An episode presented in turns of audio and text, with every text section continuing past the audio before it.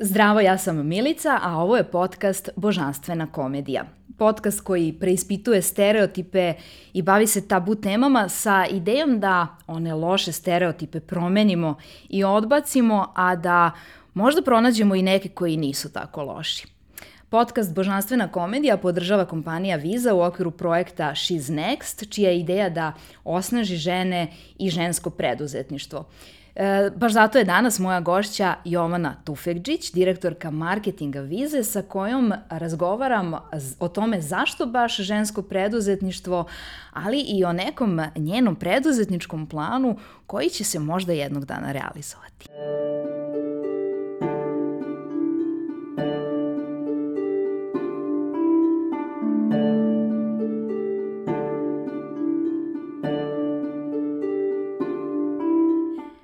Ja volim te neke male slučajnosti i onda imam sagovornike koji kažu da je to bez veze, imam one koji kažu da a, slučajnosti ne postoje ili da ne postoje slučajnosti zato što je sve programirano i tako baš treba da bude.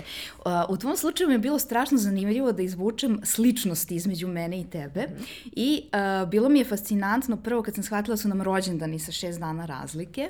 Ja to nisam znala. Da. Onda taj ceo put mi je bio tvoj jako interesantan, taj korporativni, zato što je to u stvari moj put, da iz uh, neke to, te junior pozicije, iz neke glupo zvuči bezvezne pozicije, ali neke manje bitne pozicije u kompaniji, ti u stvari gradiš tu svoju karijeru i napreduješ do jedne baš odgovorne pozicije, jer ti si krenula od neke asistentske pozicije u Coca-Coli, a došla do direktorke korporativnih komunikacija. A, I možda kao poslednja, a, a ne najmanje bitno, imamo taj osmeh od šestice do šestice, Ove, što je zapravo najbitnije od svega. Tako da, to me u stvari zanima, znaš, jel si to tako nekako zamišljala, jel, kad, kad si shvatila da je to tvoj put, gde sebe vidiš, jel to sad kao tu gde želiš ili i dalje vidiš dalje ne, neko napredovanje kroz korporacije? Ja, pa to ti je dosta teško pitanje. Ovaj, zapravo, ja nekako se uvek trudim da idem korak po korak i e, neke stvari mi se dese u životu, a mislim da neke stvari ja izazovem sama ne, tom nekom svojom energijom, jer ja strašno verujem da to ti treba da privlačiš to nešto pozitivno u svom okruženju. I zato mi je drago što smo danas ovde, baš, i baš mi je drago što si našla te neke naše sličnosti. Ovaj, ja zapravo sam stvarno krenula svoju karijeru uh, kao student prve godine grčkog jezika.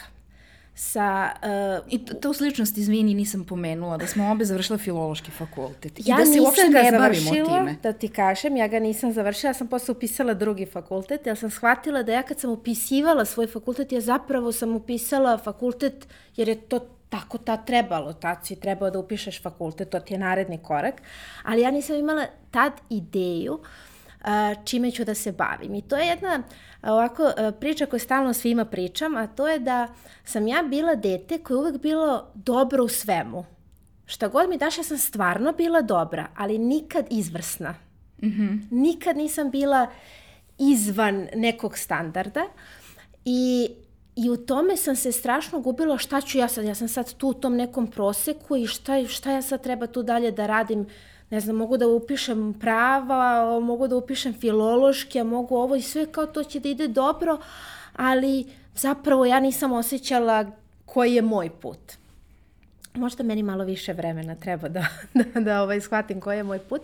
I zapravo ja sam se u Coca-Coli, čak nisam ni na asistentsku poziciju se e, prijavila, ja sam se zaposlila kao student preko omladinske zadruge na infoliniju. Mhm. Mm E, tu mislim da je bio početak ove cijele moje karijere, zato što je to jedan proces gde ti komuniciraš svakodnevno sa ljudima koji imaju svoje potrebe.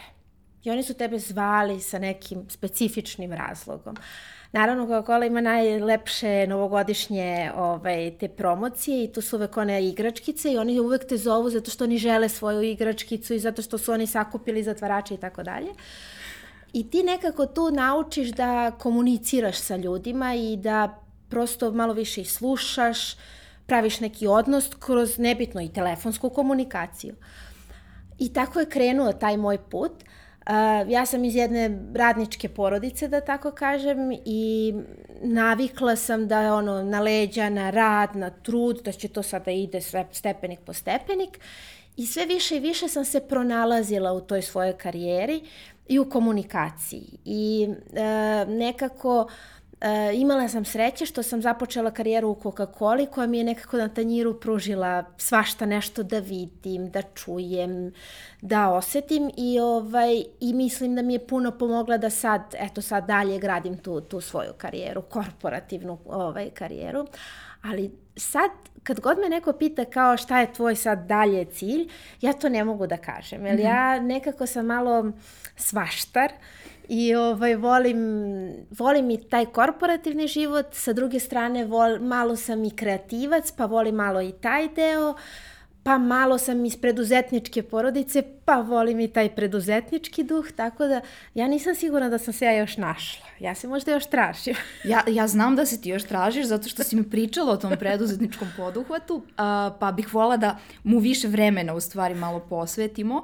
Uh, druga stvar koju sam htjela te pitam vezano za kompaniju, znaš, to je, ti, ti, ti baš često uh, što zbog sebe i svoje energije, što zbog Coca-Cola koja jeste mm -hmm. brand, tebe su, da, inače ništa na Coca-Cola nije platila da znate, nego to prosto jeste brand koji ljudi prosto pominju. Uh, tebe su često zvali da govoriš na nekim studentskim konferencijama, na raznim sličnim okupljanjima i ti nikad nisi bila neki tipični menadžer iz korporacije. Šta više, ti si u Coca-Cola imala i roze kosu, pa ti yes. onda, to ono što ljudi ne vide sad, imaš i ti to važe. I ti tako kad se pojaviš, jel tebi prvo poveruju kao da si ti menadžer, direkt, direktorka korporativnih komunikacija velike kompanije i kako reaguju na to I još možda zanimljivije što si mi jednom pomenula i što važi generalno kod nas kao predrasuda, a to je i sad preko koje veze ti tu došla da budeš ta direktorka?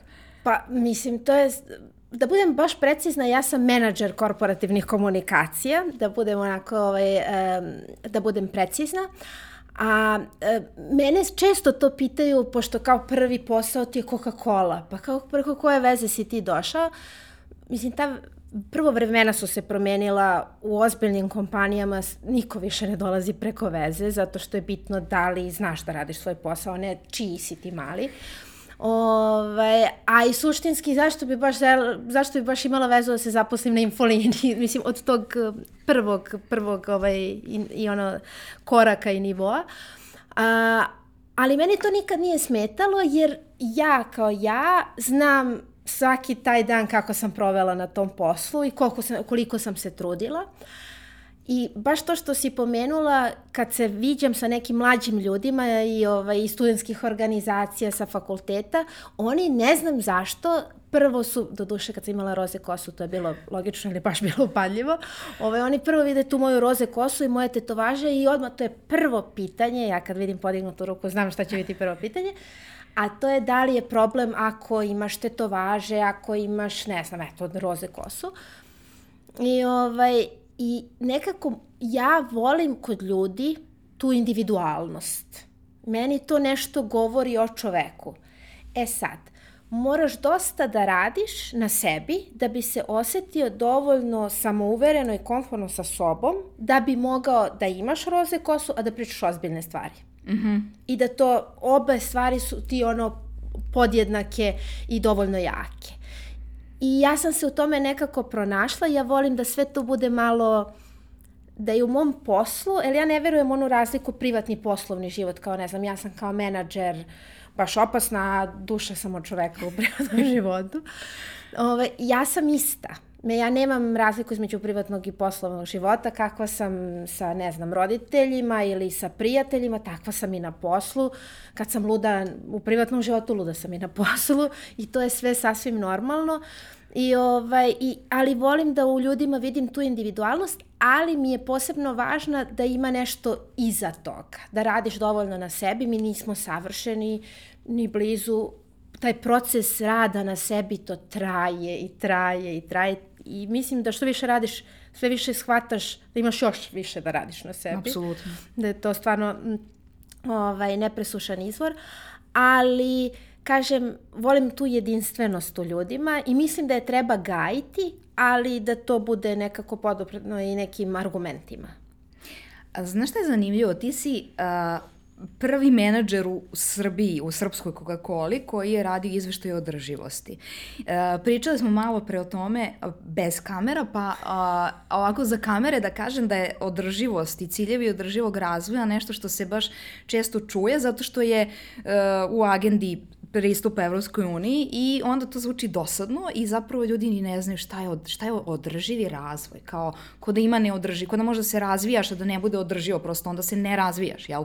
Ali a, kada se to svede na ovaj, neku ljudsku raz, razumljivu dimenziju, održivi razvoj zapravo je nekih 17 ciljeva na kojima treba da baziramo bilo šta što bilo ko radi, država, kompanija, mi kao pojedinci, i to su neke normalne ljudske vrednosti koje se tiču toga da ne treba se zagađuje, da polovi treba da budu jednaki, da nema siromaštva, da nema gladi i slično. Uh, I sad kako to jedna kompanija uh, koja je tako velika i globalna, uh, lokalizujete svoje ciljeve i šta je tu u stvari važno i, i otkud ti u celoj toj priči. Znaš, kažem ti, kad mlad uđeš u kompaniju, obično tebe kompanija o, o, nekako oblikuje, a ja imam utisak da si ti mnogo svojih ličnih vrednosti u stvari unela u taj rad u kompaniji. Pa ja se nadam da jesam, hvala ti, to mi baš onako lepo zvuči. Ovaj, ja prvo moram da kažem da, da sam ja puno tamo naučila. Uh, I e, nekako ta tema održivosti, mislim da je sad u poslednjih, na primjer, godinu, dve, tri jako popularna, kao što ako se sećaš je pre deset godina sve bilo CSR. Mm -hmm. Šta god pomeneš CSR. Ako ste CSR odgovorni, ako ste CSR, e to je. A i tad su ljudi malo, mislim da nisu duboko ušli u to šta je tad bio CSR, ko što sad ne ulaze duboko u to šta je održivost. A tema je jako ozbiljna baš je ozbiljna i vrlo je kompleksna.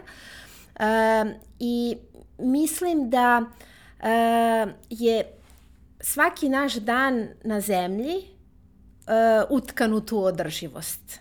Kako sam ja danas došla ovde, do toga da li recikliram, do e, nebitno da li ću nešto danas dobro raditi za ovu zajednicu.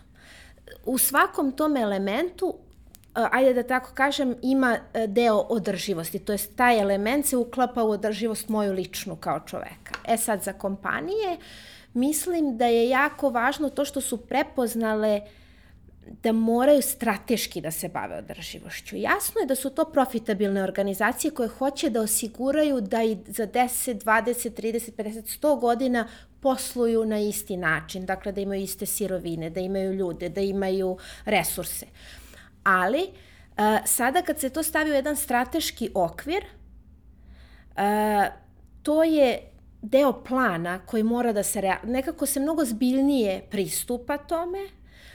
Ono što je posebno lepo jeste što su kompanije počele da se takmiče koja je održivija, a ja gledam kao krajnji cilj, možemo samo svi mi kao zajednica i kao planeta da imamo ovaj, benefit od toga. Uh, ali e, meni je ta tema užasno važna i ja nisam ni znala koliko je ona meni bliska e, kao čoveku dok nisam ozbiljno počela se bavim e, time i moram da kažem da je to takozvani moj prvi fail profesionalni, da znaš, jedna moja profesionalna trauma.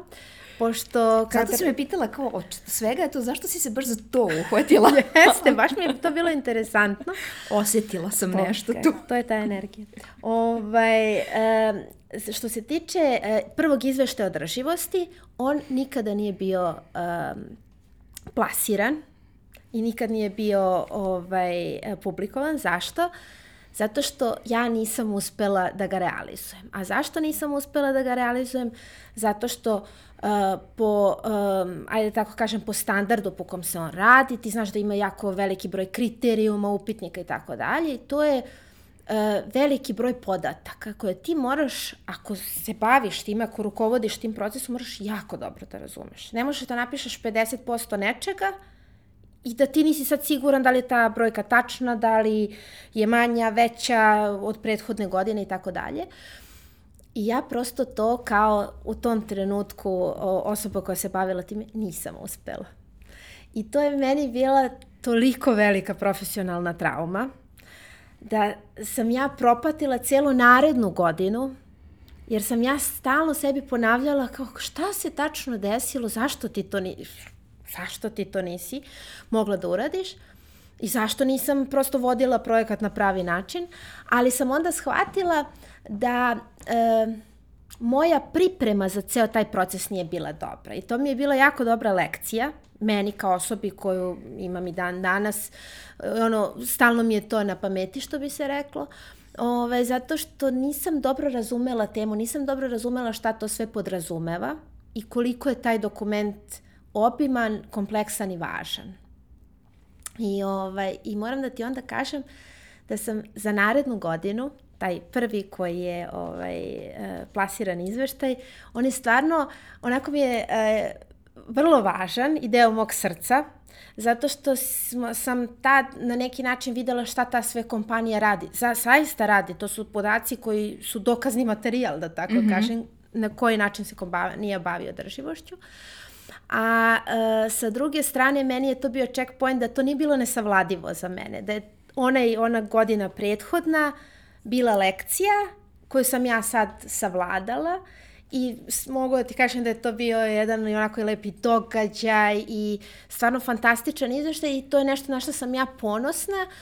I I sad kad sam otišla iz kompanije, volim da malo pogledam, da bacim ovaj oko na izveštaj, da vidim šta se promijenilo, zato što je to stvarno vrlo interesantna tema i uh, nekako na najbolji mogući način možeš da vidiš koliko je jedna kompanija zdrava. Tako da ima puno kod nas kompanija koje uh, imaju taj izveštaj održivosti i koje baš mu prilaze na jedan ozbiljan način. A, ovaj, ali mislim da je to jedan fantastičan dokument da se sagleda zaista koliko je odgovorno i održivo poslovanje jedne kompanije. E, ali da se vratimo emotivno na taj trenutak kad si ti shvatila da nećeš uspeti to što je bio, ti je bio očigledno vrlo važno i lično i profesionalno. Kako si se izborila sa tim? Pa jako teško. ja sam se borila i borila. Ovaj, pa prvo je bilo teško e, zato što si izneverio očekivanja. To je najteže zapravo. To da ja ću da pogrešim. Meni nije problem da ja ja znam da ću i danas da pogrešim nešto, nije to sporno, ali da sam izneverila nečije očekivanja, to mi je bilo baš strašno. I nekako sam imala utisak, to je možda, ne, ne znam, to možda neko stručno bi mogao da objasni, ja sam imala utisak da svaki sledeći dan neko kroz, ne, kroz neku nebitnu poruku, komunikaciju ka meni mi sugeriše da sam ja to, da mi nekako napominje da, da smo fail. taj, taj fail. Jeste. I meni je to, ja sam samo, e, takva sam osoba da ja, ako odlučim da to mogu, ja ću sebe prva da ubedim da to mogu. I ja sam sebe svaki dan, ono, bukvalno radila na sebi, da sebe ubedim da to nije ništa strašno, da ću ja sad to uraditi možda bolje. Možda je postoje razlog zašto onaj nije mm -hmm. izašao, ali da ću ja sad ovaj možda dići na još viši nivo ja sam sebe ubedila da za to postoji plan. Nekako kosmički zašto onaj prethodni nije izašao. Uh, mogu da ti kažem da mi je stvarno to bila velika trauma. Ja volim to često da napominjem, ne znam, sad kad radim s mlađim ljudima i tako dalje, ja volim to da napomenem, ali za mene to zaista bilo traumatično iskustvo. Ja sam, ono što je fan, fascinantno za čoveka, jeste, ja sam tad već radila, sad ne mogu ni da sračunam, na primjer, već 7-8 godina u kompaniji. I do tada sam realizovala razne projekte, fantastično, bila talenat, ali meni to više ništa nije bilo važno. Ja se nisam setila više ni jednog dobro realizovanog projekta, samo mi je ovaj bio važan. Ni, ja se ni, prosto, kao da ove prethodne godine i taj trud i rad nisu postojali, jer ovo nije bilo, ovo nisam uradila. I jel imaš onda, jel deliš to sa nekim ko nije na poslu? Ko, tu je onda, pretpostavljam, baš važna podrška nekog kome veruješ i ko može da ti pomogne. Od takvih stvari čovek teško baš da sam može da, da ustane, očisti prašinu i kaže, ma sad ću sledeće godine da pokidam ovaj izveštaj. Pa iskreno ti kažem, uh, ja imam veliku i blisku porodicu i ovaj, imam taj uh, faktor, faktor podrške uvek. Uh, ali ja to osjećam kroz njihovu ljubav ka meni. ali ja ni sa kim takve stvari ne delim. Mm -hmm. Što možda je neki problem i sa mnom, što bi se reklo, ali um, ja s, uh, puno sama radim sa sobom. I to ne znam sad da ti objasnim da li je to kroz neku literaturu, ne, ja sam svaštar, to stalno pominjem, ali ovaj, e, strašno se bavim sobom i svojim emocijama. Pokušavam, ako me nešto iznervira, e, dam sebi vremena da razumem zašto me je iznerviralo. Nešto. Ja se, to je šala, ja znam da se nekad posvađam sa osobom, a da ta osoba uopšte to ni ne zna. Jo, ja isto. Eto, još jedna ovaj, sličnost među nama. Zato što uh, nekako imam potrebu da ja sad kažem, to, to je valjda ono ljudsko da ja kažem to što ja sad osjećam. Pa onda u sedmom krugu taj neko kaže meni šta je njegova perspektiva, pa u dvanestom smo mi već spustili strasti, što bi se reklo, već smo na nekom ovaj, zajedničkom rešenju i u petnestom krugu se mi tu dogovorimo, to jest ja se dogovorim sama sa sobom. I suštinski ja te neke velike stvari ne delim ni sa kim dok ih ja um, ne svarim. I to je, to ne kažem da je uvek dobro, ali meni puno znači jer uh, onda ja posvetim više vremena tome, jer ja samo znam kako je meni. Znaš, ja, mm -hmm. ja samo znam šta mene u tom trenutku muči mm, i šta je ono što će mi pomoći da nekako ovaj, e, razrešim tu situaciju. Da, ja se sećam da je jedan od glavnih e, problema psihologije, o tome je ostalo još sa fakulteta, a psihologija je napredovala umeđu vremenu, od kad sam ja studirala, e, što se uvek oslanja na introspekciju. I ti moraš da budeš baš vrhunski terapeut da ti pronikneš u nešto što ti osoba nije rekla, ali čak i tada to nije 100% sigurno jer ti se zapravo oslanjaš na ono što ti osoba kaže. Mm -hmm. Pa sad ti analiziraš da li je to istina ili te je slagala, zašto je slagala, zašto je to nešto mhm. rekla ili doživela, ali zapravo ne možeš, bilo bi idealno kao kad se radi, ne znam, ultrazvuk srca, pa ti kao pogledaš ultrazvuk mozga nekome da, napraviš da, da. i znaš šta misli stvarno. Jest. Tako jest. da to što si rekla, samu sebe najbolje poznaješ u stvari uh, Možda bi to trebalo da se uvede kao nekakva stalna i obavezna edukacija u školama, ta neka bazična psihologija kako da sami sa sobom radimo mm -hmm. na sebi, na, na ličnom Jeste. razvoju. Ja nekako mislim da ima puno ra načina da se radi, radi sam sa sobom. Ja kažem, ja osjećam tu podršku porodice uvek kroz ljubav porodice. Mm -hmm. um, nekako ja sam sigurna da ja ni u jednom trenutku svog života nisam sama. Ja imam dve starije sestre, imam zeta, imam sestriće i sestriće, imam mamu i tatu i mi smo nekako užasno bliski. Mi se svi stalno čujemo. I ne znam da ti objasnim uopšte šta pričamo. Mislim, to su ono, svakodnevni razgovori, ali ti kroz tu ljubav osetiš da su oni tu, iako mnogi od njih, na primjer, možda i ne razumeju tačno šta je moj posao. Mm -hmm. I, na primjer, ne, ne razumeju neki moj izazovan dan. Jer, kao što sam ti rekla, oni su preduzetnici sa druge strane, oni imaju neke svoje izazove koje opet ja se trudim da, da, da, da razumem, ali to su potpuno dva različita ugla. Ali to je, znaš, kad ti kažu na, u ovim uputstvima, na primjer, ako imaš prijatelja koji je depresivan ili mhm. suicidalan, mm -hmm. Da ti u stvari treba da kažeš ja sam tu i slušam te. Ja sam tu uh -huh. da te mhm. podržim, ja te prosto volim. Da ne, ni ne pokušavaš da govoriš ja znam kako ti je, zato što ne možeš da znaš zapravo kako je nekome. Apsolutno. Tako da tvoja porodica zapravo ima taj master skill u podršci, očigledno. Nadam se, radimo na tome. E, ali da se uradio kompanija, znači ti si meni skoro sta jedna preduzetnička osoba i to su vajda te o, da. vrednosti koje nosiš iz porodice, ali ti si rešila u stvari da um, posle kompanije odeš u drugu veliku kompaniju, još kao ozbiljniju, sad kod da je kao neozbiljna, nego iz perspektive uh, potrošača, to je neko tako veselo piće koje ti otvoriš za radost i šta se već komunicira kroz reklame, a onda si je zamenila za uh, zapravo finansijsku instituciju, zato što kompanija Visa jeste zapravo neko ko se bavi finansijama i finansijskim transakcijama. Uh, ili zato nemaš više roze kosu? Nažalost, roze kosa je nestala pre mog prelaska u vizu. Mada, ovaj, to se nikad kod mene ne zna. To, to je otvoreno, još otvoreno poglavlje da vidim ja s čime sam ja ovaj, tačno srećna, da li sa ovom bojom, da, mogu. tačno, tačno, ja to mogu da menjam. E, Ali moram da ti kažem da koliko god e, Visa kao kompanija i uopšte bilo ko, ko, ko je finansijska institucija koja se bavi uh, tim uh, delom uh, i tom industrijom, koliko god da je onako deluje ozbiljno, ja moram da ti kažem da je Visa jedna kompanija koja je strašno otvorena ka svim vrstama različitosti. I tamo je e, ta inkluzija i, i, i jednakost, ne samo rodna, nego generalno jednakost i ta, to je otvoren pristup svima za sve na najvišem mogućem nivou. To je nekako prva stvar koju sam ja osetila kad sam došla u kompaniju, da su svi dobrodošli, da nema razlike, da želimo sve da poštujemo, da dajemo svima iste mogućnosti. I to je, evo ja sam sad već nekoliko meseci, 7-8 meseci u kompaniji i nijednom me još nije izdao taj, taj osjećaj da u kompaniji možeš sve, nebitno da li si muškarac, žena, da li si visok, nizak, da li si iz Srbije ili nebitno iz Rusije, odakle god, nije uopšte bitno, bitno je samo da dobro radiš svoj posao.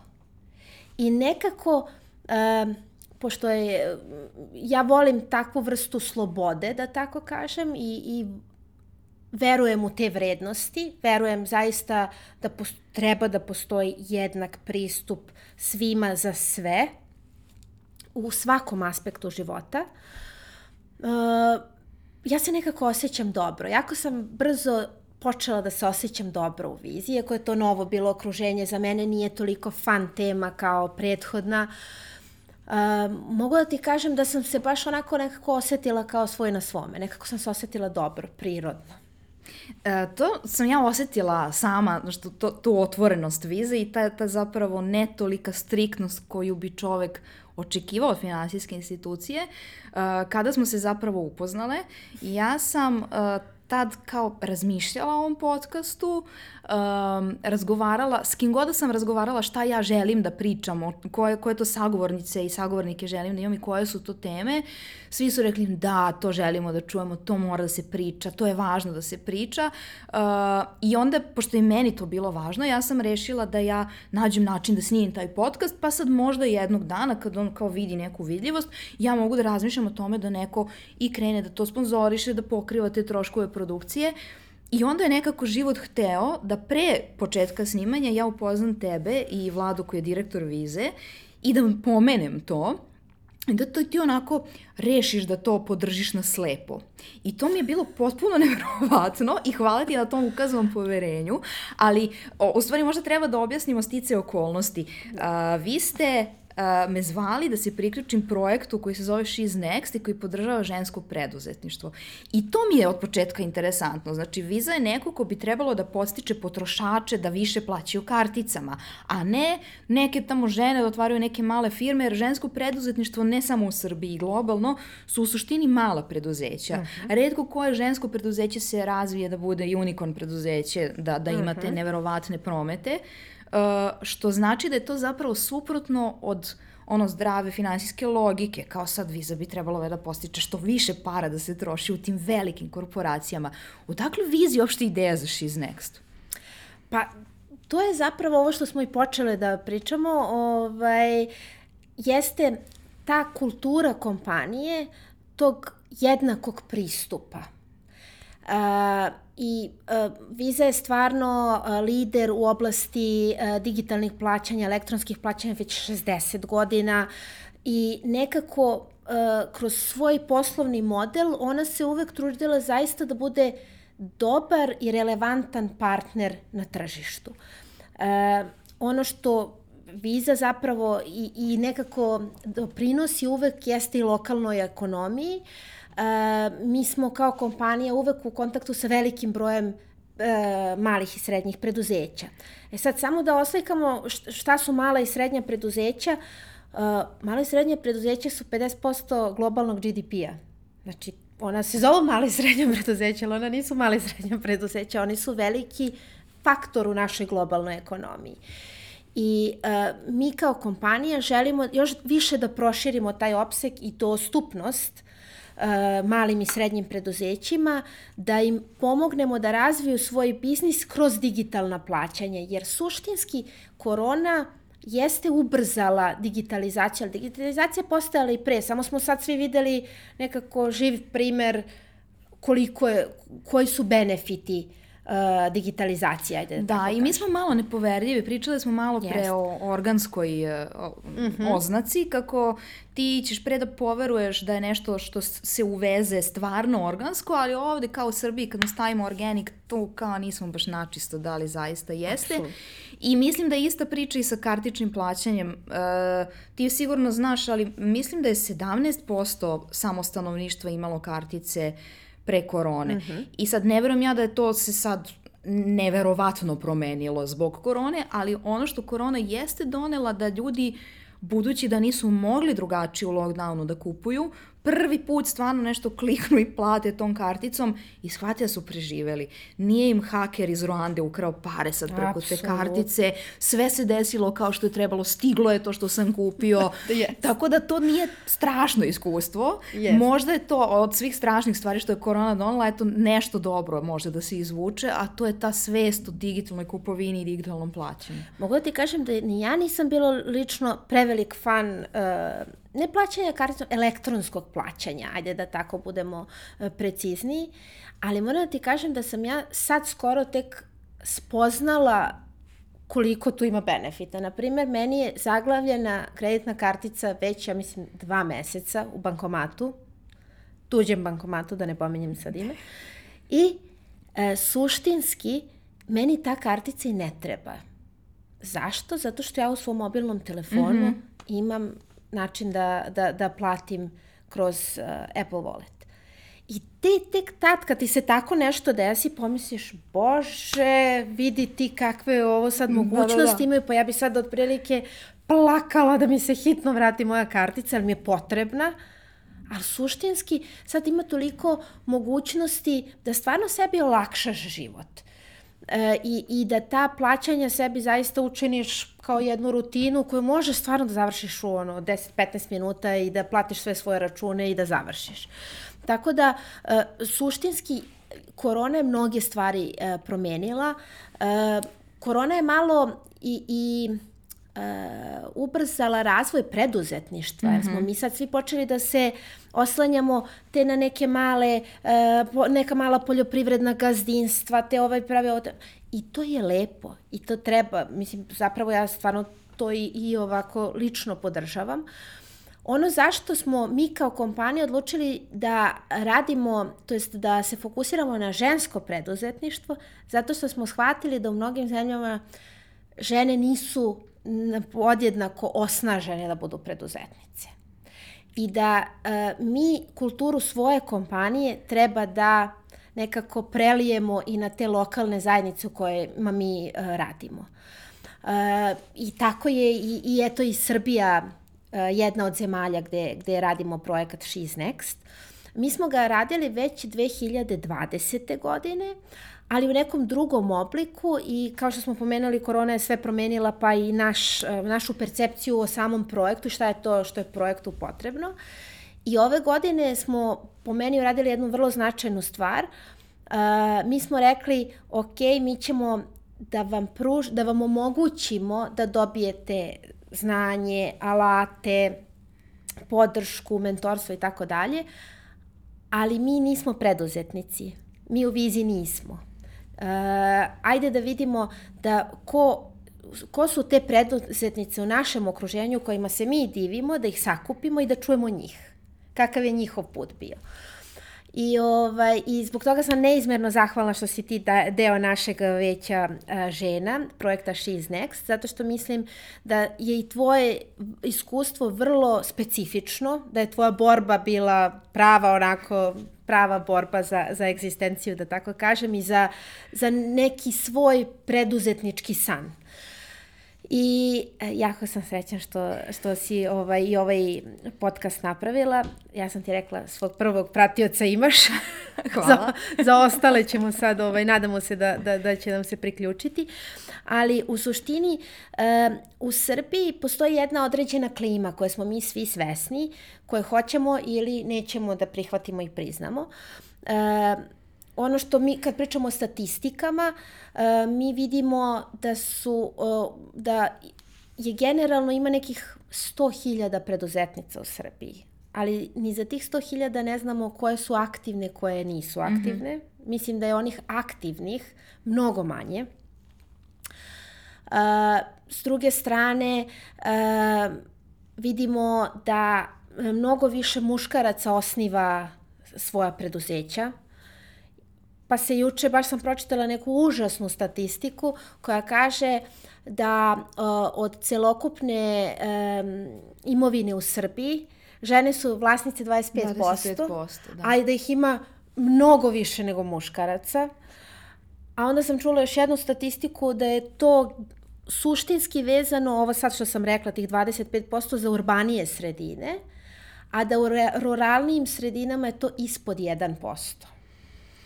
I to je nekako, ne mogu, sad ne bih ni da ulazim u razloge zašto je to tako. Zašto je to tako mi ne možemo da promenimo, mi možemo da promenimo ono što je danas i što je sutra, bar ja verujem u to. I uh, ovim projektom uh, nekako smo želeli da damo snagu tim ženama, zato što i u razgovoru sa svima vama, dakle da samo napomenem da veće e, žena čini 12 žena koje su ili ostvarene već preduzetnice, Uh, ili su žene koje kroz svoja po, poslovna udruženja uh, i svoje aktivnosti rade na razvoju ženskog preduzetništva. I na uticanje na politike koje Absolut. mogu da podstaknu žensko preduzetništvo. Jeste. Uh, ono na što sam ja posebno poznala je što ste vi sve različite. Mm -hmm potpuno ste različite. Zato što i jesmo sve različite. I to je ne nas 12, nego bukvalno svaka žena. Apsolutno. I to, to vidiš bukvalno od svakog koraka uh, ne u školi kada se trudiš da budeš isti, Jeste. da budeš da se oblačiš isto i da budeš deo tog čopora, ali onom trenutka kad na primjer kad nešto ideš kod ginekologa pa pitaš nešto, a svaki odgovor se zapravo završi sa ali to je sve individualno. Pa onda krene bilo koja promena tvog života u bilo kojoj sferi zdravlja, posla, ali to je sve na kraju individualno i ti se prosto samo na kraju prihvatiš da je sve individualno. I nekako bih volela da i kroz ovaj podcast i generalno kroz svo naše, moje, tvoje lično delovanje, mm -hmm. svih nas, da nekako Uh, skoro mi je neko rekao, ona je žena za 21. vek, a meni se kosa digne na glavu. Mislim, ja ako već čupava, još dodatno digne, jer bih volela da mislim da 21. vek nema role model, nema model žene. Znači svaka žena i svaki muškarac su ljudi za 21. vek. Prosto malo je bez veze da ponovo imamo ono housewife kao koja ima noću viklere, danju kao crvene nokte i one haljine, kao um, ne, neki model kako treba da izgleda, da misli ili da se ponaša. Možda je to u stvari tekovina 21. veka koju treba da prigrlimo. Def, ja sam definitivno neko ko podržava to i zbog toga sam srećna što ste svih vas 12 potpuno zaista različite, imate svoja mišljenja, na sva, ra, kako kažem, negde ste saglasne, negde niste, ali to je lepota tog veća vi niste tu, ajde da tako kažem, da se slikate i da kažete ja što je ovaj lep projekat. Ne, mi smo uh, onako ozbiljno brainstormovale. Jeste. I to je delo oko potpuni haos, ali ti si iz toga uspela nešto da Absolutno. izvučeš i da strukturiraš jedan događaj. Jeste. I događaj je super zato što je vrlo praktičan. Znači, za žene koje su već u nekom biznisu, za žene koje nisu u biznisu, možda bi htele, za žene koje su u kompaniji. Dakle, to je jedan set nekih uh, predavanja i panela koji evo ja da nisam u projektu bih došla da slušam zato što mislim da svašta korisno može da se, da se čuje. Pa evo ja koja imam plan B što bi ti rekla, ja, za mene taj pro, ovaj, događaj će biti vrlo koristan. Ja sam ga u stvari pravila po svoje meri. Jasno mi je. Šta meni treba ovaj, kao budući preduzetnici. A to je savršeno. Mene kad pitaju kao, kako si ti pokrenula biznis, zašto baš Anđeli Osi i kolača, kao, ali mi smo to hteli da jedemo mi u kući i to nije bilo da se kupi. Tako da ja mislim da te stvari koje napraviš po sebi Absolutno. su bukvalno ono, savršene, zato što radiš onako kako osjećaš i stvarno razumeš problem i radiš na tome apsolutno, da nađeš rešenje. Apsolutno, apsolutno. I to zbog toga posebno volim što sam ja lider ovog projekta u Srbiji, zato što mogu nekako i, i, uz, kom, i kroz komunikaciju sa svima vama, puno toga sam naučila, uh, puno toga sam osvestila, strašno me inspirišete kao žene, moram da priznam, uh, zato što ste stvarno uh, i jake i nežne u isto vreme i borci ste i nekako ste individue za sebe, vrlo ste dostojanstvene svoje i to je nekako, to je role model. Mislim, kako kažem, ne postoji profil da mi sad kao popišemo šta je, ali to da si ono, svoj na svome, to se oseti. Mm -hmm. I, ovaj, i, I nekako, to je najbolji način da se neko osnaži. Jer mi možemo sad da kažemo, ajde da napravimo savršen set treninga posle tog savršenog seta treninga mi ćemo imati obučenu osobu koja će i dalje biti nesigurna da li, kako, zašto, da li, to, to nije mala odluka ući u preduzetničke vode. Mislim, ja sad tebi govorim, ali to je razlog zašto ja još nisam ušla, zato što ja nemam dovoljno hrabrosti. Ali za to stvarno treba ozbiljna hrabrost da se uđe, nije nemoguće, ali potrebna je hrabrost i strajnost. To je jedan roller coaster. Ovako. Da, da. Već vidim kako razmišljaš sve šta, je, šta si prošlo ovih godina. Roller coasteru, da. Pa ima, ima ovaj, malo pre smo pričali o tome kako nije lako, ali je lepo, pa je Ivan rekao nije čak ni lepo, ali jeste, na momente baš bude lepo. I bude na momente baš teško, ali onda opet bude lepo. A ti ko neki narkoman se navučeš na to lepo, pa kao nekako isteraš ovaj teški deo zato što dođe opet ta, to, to što te yes. vozi, to što je lepo. Jeste. E sad, za, za nas, vas koji slušate ovaj podcast pre 31.10. Uh, 2022. godine. 31. je dakle taj događaj Jeste. i ono što je možda baš važno da kažemo je potpuno je besplatan. Apsolutno. Dakle, kogod želi može da nam se priključi u domu sindikata. Ja, ja sam old school, znaš, ko moja pokojna ja baba koja je tako sindikat. zvala ulice po svojim nazivima, niko nema pojma gde su. E, dom sindikata vam je sad MTS dvorana. Uh, I tu će se održati ove, ovaj super događaj, a za sve vas koji, koji slušate ovaj podcast posle 31.10. Uh, bih volela uh, da ostane ovako u etru zauvek da ti imaš taj plan B i uh, ja ću na sve moguće načine da te podržim da se on u stvari realizuje zato što ti imaš savršenu preduzetničku ideju, ti imaš rol model roditelja koji su preduzetnici, ti imaš tatu koji je krojač, koji ima zlatne ruke i kod, od koga ti je, pretpostavljam, i došla inspiracija mm -hmm. za, za to što želiš da radiš. Jeste. Pa, uh, moj plan B, ne znam ni da li da ga zovem plan B. to Zato što je u stvari plan A. A, jeste. Ovaj, uh, taj moj plan jeste vezan je i za moju porodicu i za tu neku, ajde da tako kažem, atmosferu koju mi gradimo ovaj, unutar, unutar kuće. Ovaj, ja sam uvek želela da šijem, ali nažalost moj tata je uvek smatrao da je to pretežak posao Pošto ga je i sam radio. Apsolutno. E to je interesantno, na primjer, za moje vaspitanje. On nikad nije govorio da je to preteško za ženu. Nego on govorio to ti je pretežak posao. Ovaj, ovaj posao je pretežak. I ovaj, tako da sam ja odrasla i u toj atmosferi da nema ko je muškarac, ko žena, ne, mi radimo, doprinosimo sve, trudimo se i, i to je to. I ja sam, uh, opet, ja sam uh, tetka, i to smatram kao jednom od svojih važnijih uloga mm -hmm. životnih. E, moja mala sestrična Anika, ona strašno uh, voli lutke i to te, iako više nije ni toliko mala, ali nekako to je, to je neka ljubav koja ne ima prema, prema lutkama i posebno tim krpenim lutkama.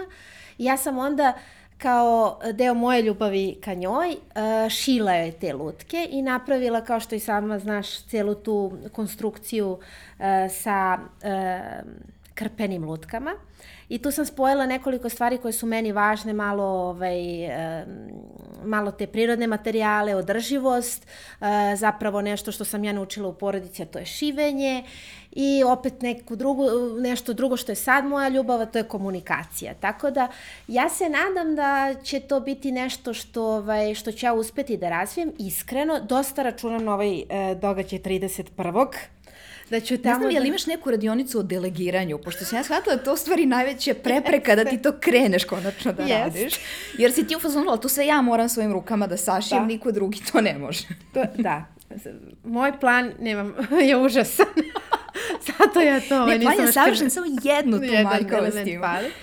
Ne, mi ćemo na 31. imati razne radionice, imat ćemo o financijama, imat ćemo o marketingu, o digitalnom marketingu. Uh, ono što hoću samo da napomenem, što mi je važno za 31. jeste da se uh, svi zainteresovani prijave na Visa sajtu, da bi mogli da dobiju sve relevantne informacije o tome. Uh, a, ali se ja nadam da, pošto će biti puno vas koji ćete svoju priču da ispričate i vi ste isto imali sigurno taj korak kad ste morali taj neki deo svog procesa da prepustite. Ja verujem da je to najteže u mom slučaju. Još ne sam pa, najteže ti je da prepustiš ono što ti je najbliže u stvari. Pa. Ali to sam ja iz prethodne uh, kompanije naučila, iz Foodlanda. Vidiš, volila bih recimo Vaso Lekić da bude u nekom narednom mm -hmm. uh, podcastu gost, pošto mi je on bio uh, nadređen, on je bio vlasnik kompanije Foodland, mm -hmm. brenda Bakina Tajna i njemu je bilo najteže da delegira upravo ono što sam ja radila, to je marketing i komunikacija. Zašto? Zato što je on praktično izgradio taj brand. A. I tebi je lako da sad delegiraš nabavku, izvoz, uh, tehničke procedure, održa, elektroodržavanje, znači nemam pojma, da, mada se snalazim sad i oko drugih stvari, vodokotliće i tako nešto popravljam ovih dana. To je taj preduzetnički. To je taj preduzetnički duh, tako je. Ali ti je najteže da delegiraš u stvari to što ti je naj, najbliskije i mislim da je taj trenutak kad shvatiš da može da se delegira, kad shvatiš da nikad, pomiriš se prvo s tim da nikad niko neće uraditi stvari isto kao ti, mm -hmm. ali postoji realna šansa da uradi bolje nego ti. Mm -hmm. U svakom slučaju drugačije. I onda to kompaniji i tom tvom malom biznisu daje još neku dodatnu vrednost. Pa ja, ja mislim da ću ja to uspeti da prevazićem bar računam na to da ću uspeti da prevaziđem, e, zato što mi je strašno stalo do toga, jer mislim da će imati još neku dodatnu tu, i taj socijalni, socijalni element će imati, što je meni posebno važno. E, I, e, ali moram da ti kažem da iako sam, e, baš smo pričali, sad idem s teme na temu, ali na, kad smo se okupile prve put kao veće žena, e, neko je pomenuo kako je lakše kako je teže u stvari ženama koje nemaju neko korporativno iskustvo i znanje da započnu, pred, da uđu u preduzetničke vode, ali prosto nemaju neko znanje i vještine koje su potrebne. Ja mogu da kažem, na primjer, ja koja sam ceo život u korporativnom sektoru, da ja opet mislim da postoje određene specifična znanja koja meni dalje ne, nedostaju kao potencijalnoj preduzetnici. Zato mi je ovaj događaj 31. 31. oktobra i izrazito važan, zato što mislim da ćemo tu mi imamo sad jedan set tema koje ćemo da obradimo, ali se nadam da ćemo tu da osvestimo još neke dodatne elemente koje su, koji su potrebni preduzetnicama. Mi sad gradimo kao jedan uh, pokret, kao jednu zajednicu koja će se biti podrška znači jedna drugoj to je ono što je zapravo najvažnije, da mi imamo tu neku dvosmernu komunikaciju, da imamo konstantnu razmenu relevantnog znanja, iskustva, da, on, da te preduzetnice mogu nama da kažu e, sad imamo problem, mi ne znamo, na primjer, kako da izvezemo proizvode. Isto to je još jedna od statistika da su žene uglavnom u uslužnom sektoru koje su preduzetnice i da skoro nijedna ništa ne izvozi. Mm -hmm. Znači, tu smo na lokalnom tržištu, još se nismo i osmelile da, da izađemo van. Sećam se jedne radionice koju je držala jedna moja drugarica za javni nastup i jedna od vežbi je bila da žene zamisle da su one sad na nekom rukovodećem mestu, mm -hmm. dakle da su one sad predsednice nečega mm -hmm. i da u svetlu te zamišljene uloge onda spreme nekakav govor. I znam da mi je ona šokirana pričala da su žene mahom zamišljala da su predsednice kućnog saveta, a da kada sa muškarcima radi tu radionicu, da oni zamišljaju da su u beloj kući, znači oni su predsednici iz svemira otprilike, a mi tako dobacimo do kućnog saveta. Tako da možda e, ta radionica, ta, taj indikator u stvari da žene ne izvoze, možda zapravo radionica nije samo kako izvesti proizvod, mm -hmm. već je radionica zapravo kako razmišljati globalno, kako razmišljati da ti možda možeš da prevaziđeš ovo tvoje lokalno tržište na kom si. Apsolutno. Možda uopšte ne treba da proizvodiš nešto što je za Srbiju. Tačno. Možda si ti baš da proizvodiš nešto što je za svet. I možeš biti fantastičan u tome. Ja zaista verujem da, da možemo stvarno sve. Da je do tebe I ja zato samo kažem da, da mislim da treba da se izložimo različitim situacijama i različitim ljudima. Da od svakog razgovora, od svake interakcije mi možemo nešto da dobijemo Apsolutno. za nas.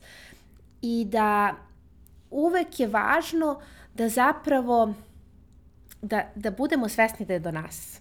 Nije ni do e, istorije, ni do politike, ni do nebitno, ni do, do nas je. Stvarno je do nas.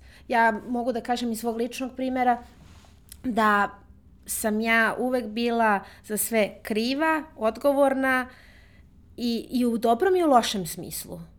I, I tako i treba da bude. Prosto kad znaš da je sve u tvojim rukama, ja znam da će sad kad neko ovo bude slušao reći da ali kad je zdravlje u pitanju nije da sve do tebe. Evo, juče sam gledala uh, Selmu Blair koja pati od multiple skleroze, koja je bila uh, u onom takmičenju plesa zvezdama, nije mm -hmm. ni mhm. bitno. Žena je u, u kako da kažem, u, u ozbiljnoj fazi te bolesti. I ona uh, je izvodila nešto što ti, ti možeš samo da se postidiš da pomisliš evo šta žena može i zašto ima i mentalnu i fizičku snagu, a ja ne mogu. Šta ja ne mogu? Mogu. Ako ona može, mogu. Znači, to sve treba da nam služi kao neka vrsta inspiracije. Nije bitno da li je to neka sad tamo glumica u belom svetu ili si to ti. Znači, vi, svi smo mi, moramo nekako da, da u sve, svima uh, vidiš primer nečega, da se povežeš, da malo... I to je taj rad na sebi što smo pričali na, na, na početku. Tako je. Da, ajde da, da zatvorimo onda ciklus, pa mm -hmm. da a, i ovo poslednje pitanje bude vezano za rad na sebi, pošto je danas uh, redko i ekskluzivno vreme za sebe, a još više u tom vremenu uh, posvetiti ga baš čitanju. A ja sam htjela da nam za kraj preporučiš nešto, da kao, eto, tvoj, tvoje, pošto si divne stvari stvarno rekla o, i o sebi, o poslu, i o ženama, i o životu, da nekako imamo produženi uticaj tog, tebe na, na naše slušalce, e, da nam preporučiš neku knjigu. Uh, pa ja sam i tu svašta. Dobro, ajde dve, tri, ajde. ne, ja sam generalno svaštar što se tiče bilo kakvog kontenta. Moram samo tu da još jednu stvar kažem, a to je da ja jako podržavam TikTok. I da, videla sam, to, to mi je bilo prekul što imaš TikTok. Da, to je sad, to sam ja malo bleska, to je dete u meni. To što mhm. ja imam TikTok gde se ja snimam, to je malo bleska. Da, da, i to nemaš kao, skoro sam uh, čula da je zapravo samo jedan procenat ljudi na bilo kojoj mreži content creators, znači oni koji stvaraju mm -hmm. sadržaj, tako da si ti u 1%, većina ljudi ili samo prenosi tu Aha. sadržaj, to je oko 9%, a ostalih 90 bukvalno samo tu stoji i gleda njim, oni su primaoci mm -hmm. sadržaja. I sad kad znate to, to je nekako uh, baš onako moćna stvar, kao ti kad si u stanju da, da stvoriš sadržaj za društvene mreže i znaš da si u tih 1% prosto nekako je Samo da, da ne dignemo previše očekivanja, moj sadržaj nije ošte zanimljiv. Malo je deči. Dobro, zabavan je, ako ništa drugo. zabavan je. Nema neku vrednost, ali to isto je ovaj e, deo mene što ja radim stvari koje mene zabavljaju. Tako je. I, ovaj, ali mislim da TikTok je dosta zanemarena mreža i da je nekako smo je mi to kao to deca, nešto se snime i tako dalje, ali tu isto ima fantastičnih sadržaja. Uh, ja nekako i kad e, pratim taj sadržaj i kad pratim podcaste, mene to inspiriše da ja nešto čitam, da ja nešto slušam. I iskoristit ću tvoj uh, podcast da uputim kritiku Galebu, sad ovako javno, što bi se rekla, zato što je on pre u svoj, kad je e, kreirao svoje podcaste, znači na početku svakog podcasta imao odlomak, e, čita odlomak yes. iz neke knjige koji vezuje za sagovornika i meni je to bilo fantastično kao preporuka um, neke dobre knjige. E, ali ja mislim da on to ima i dalje u onoj kao Patreon verziji, znači kad nešto se pretplatiš na podcast, Dobro. onda dobiješ više sadržaja nego, nego neko ko nije pretplaćen. Probat ću da mislim, danas, mislim ako da ne, ima. nećemo da isečemo ovo neku muziku.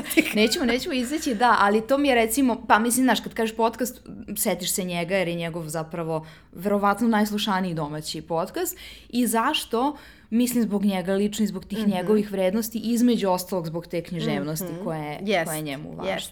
Ono što je knjiga koja je njegova bila preporuka, koja meni se e, neverovatno sviđa, to je Svet po garpu. To mi je jedna od omiljenih knjiga. E, e, onda volim malo i ove knjige koje su ajde, možda ružno zvuči laka literatura, ali nešto što je život prosto. I to je sve ovo čovek po imenu Uve, uznemiren, to je nekako sve što je meni blisko, ja da sam pisac, ja bi tako pisala, nekako meni je jako blisko i, ovaj, i, i slikovito.